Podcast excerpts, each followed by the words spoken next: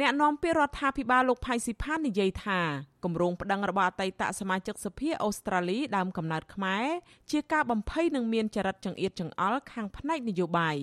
លោកបន្តថាគម្រោងប្តឹងនេះគឺជាសិទ្ធិរបស់លោកហុងលឹមប៉ុន្តែខ្មែរនៅអូស្ត្រាលីដែលគ្រប់គ្រងគណៈបកប្រជាជនកម្ពុជាក៏ជាសិទ្ធិរបស់គេដែរអ្នកនាំពាក្យដដែលថ្លែងការពីសកម្មភាពគណៈបកប្រជាជនកម្ពុជានៅប្រទេសអូស្ត្រាលីថាមិនប៉ះពាល់នយោបាយផ្ទៃក្នុងអូស្ត្រាលី និងមិនធ្វើឲ្យខ្មែរបែកបាក់គ្នានោះទេ គាត់ប្តឹងហ្នឹងគ្រាន់តែជាសារនយោបាយមួយទេគាត់ប្តឹងជាសារនយោបាយថាអ្វីទៅគាត់កំពុងតែជួបនឹងបរាជ័យដែលប្រជាពលរដ្ឋដើមកំណើតខ្មែរនៅអូស្ត្រាលីដែលលែងស្ដាប់លែងស្ថិតនៅក្រោមការដឹកនាំរបស់គាត់ដូច្នេះបើគាត់ប្តឹងគេគាត់ក៏មានបញ្ហាដែរពីព្រោះបញ្ហាទី1គាត់ប្រឆាំងគាត់ប្រឆាំងជាមួយនឹងជំរឿរបស់មហាជនណាបាទទេណែអ្នកប្រកាន់លទ្ធិប្រជាធិបតេយ្យហើយនឹងគ្រប់សិទ្ធិមនុស្សទេអតីតតំណាងរាស្ត្រអូស្ត្រាលីដើមកំណើតខ្មែរលោកហុងលឹមឆ្លើយតបវិញថាអ្វីដែលលោកធ្វើត្រឹមត្រូវគឺលោកធ្វើហើយ ពីព្រោះលោកមិនមែនធ្វើដើម្បីមុខមាត់នោះទេ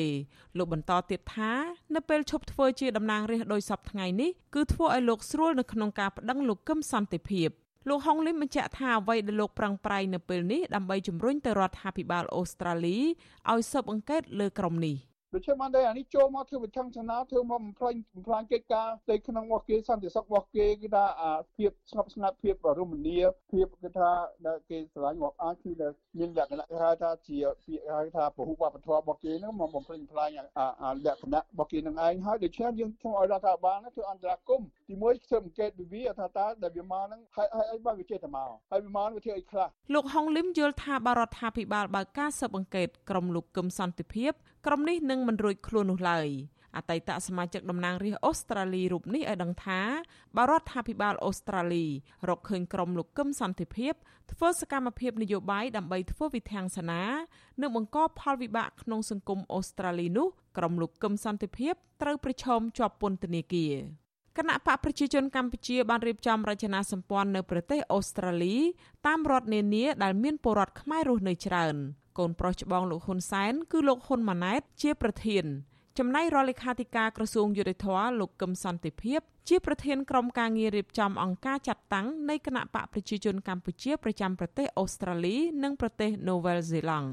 ជំវិញគម្រោងប្តឹងពីអតីតសមាជិកសភាអូស្ត្រាលីនេះ វិទ្យុអសីសេរីមិនអាចសុំការឆ្លើយតបពីលោកកឹមសន្តិភាព និងលោកហ៊ុនម៉ាណែតបានទេ នៅថ្ងៃទី19ខែសីហាទោះជាយ៉ាងណា លោកកឹមសន្តិភាពធ្លាប់សរសេរនៅលើ Facebook លោកថាពលរដ្ឋខ្មែរនៅអូស្ត្រាលី និងនូវែលសេឡង់គ្មានការបែកបាក់គ្នាទេ លោកកឹមសន្តិភាពចោទប្រកាន់ថាអ្នកដែលបែកបាក់គឺក្រុមលោកហុងលឹមប្រទេសអូស្ត្រាលីមានច្បាប់ហាមជនបរទេសជ្រៀតជ្រែកនយោបាយនិងសិទ្ធិរបស់ពលរដ្ឋប្រទេសនេះ កាលពីពេលថ្មីៗនេះរដ្ឋាភិបាលអូស្ត្រាលីកំពុងរៀបចំកែប្រែច្បាប់ដាក់ទណ្ឌកម្មហិរញ្ញវត្ថុហាមឃាត់បុគ្គលនិងអង្គភាពទាំងឡាយណាដែលជាប់ពាក់ព័ន្ធទៅនឹងអំពើឧក្រិដ្ឋកម្មនិងទុច្ចរិតទាំងនោះមិនឲ្យជន់ទឹកដីអូស្ត្រាលីនោះទេ លោកហុងលឹមផ្ដាំទៅលោកហ៊ុនម៉ាណែតដែលជាមេដឹកនាំកម្ពុជានៃក្រមពង្រឹងអំណាចនៅអូស្ត្រាលីនិងប្រទេសផ្សេងទៀតថា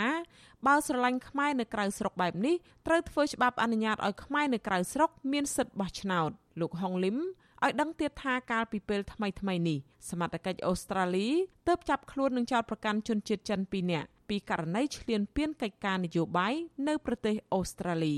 ចា៎នេះខ្ញុំខែសុណងវັດឈូអាស៊ីសេរីរាយការណ៍ពីរដ្ឋធានី Washington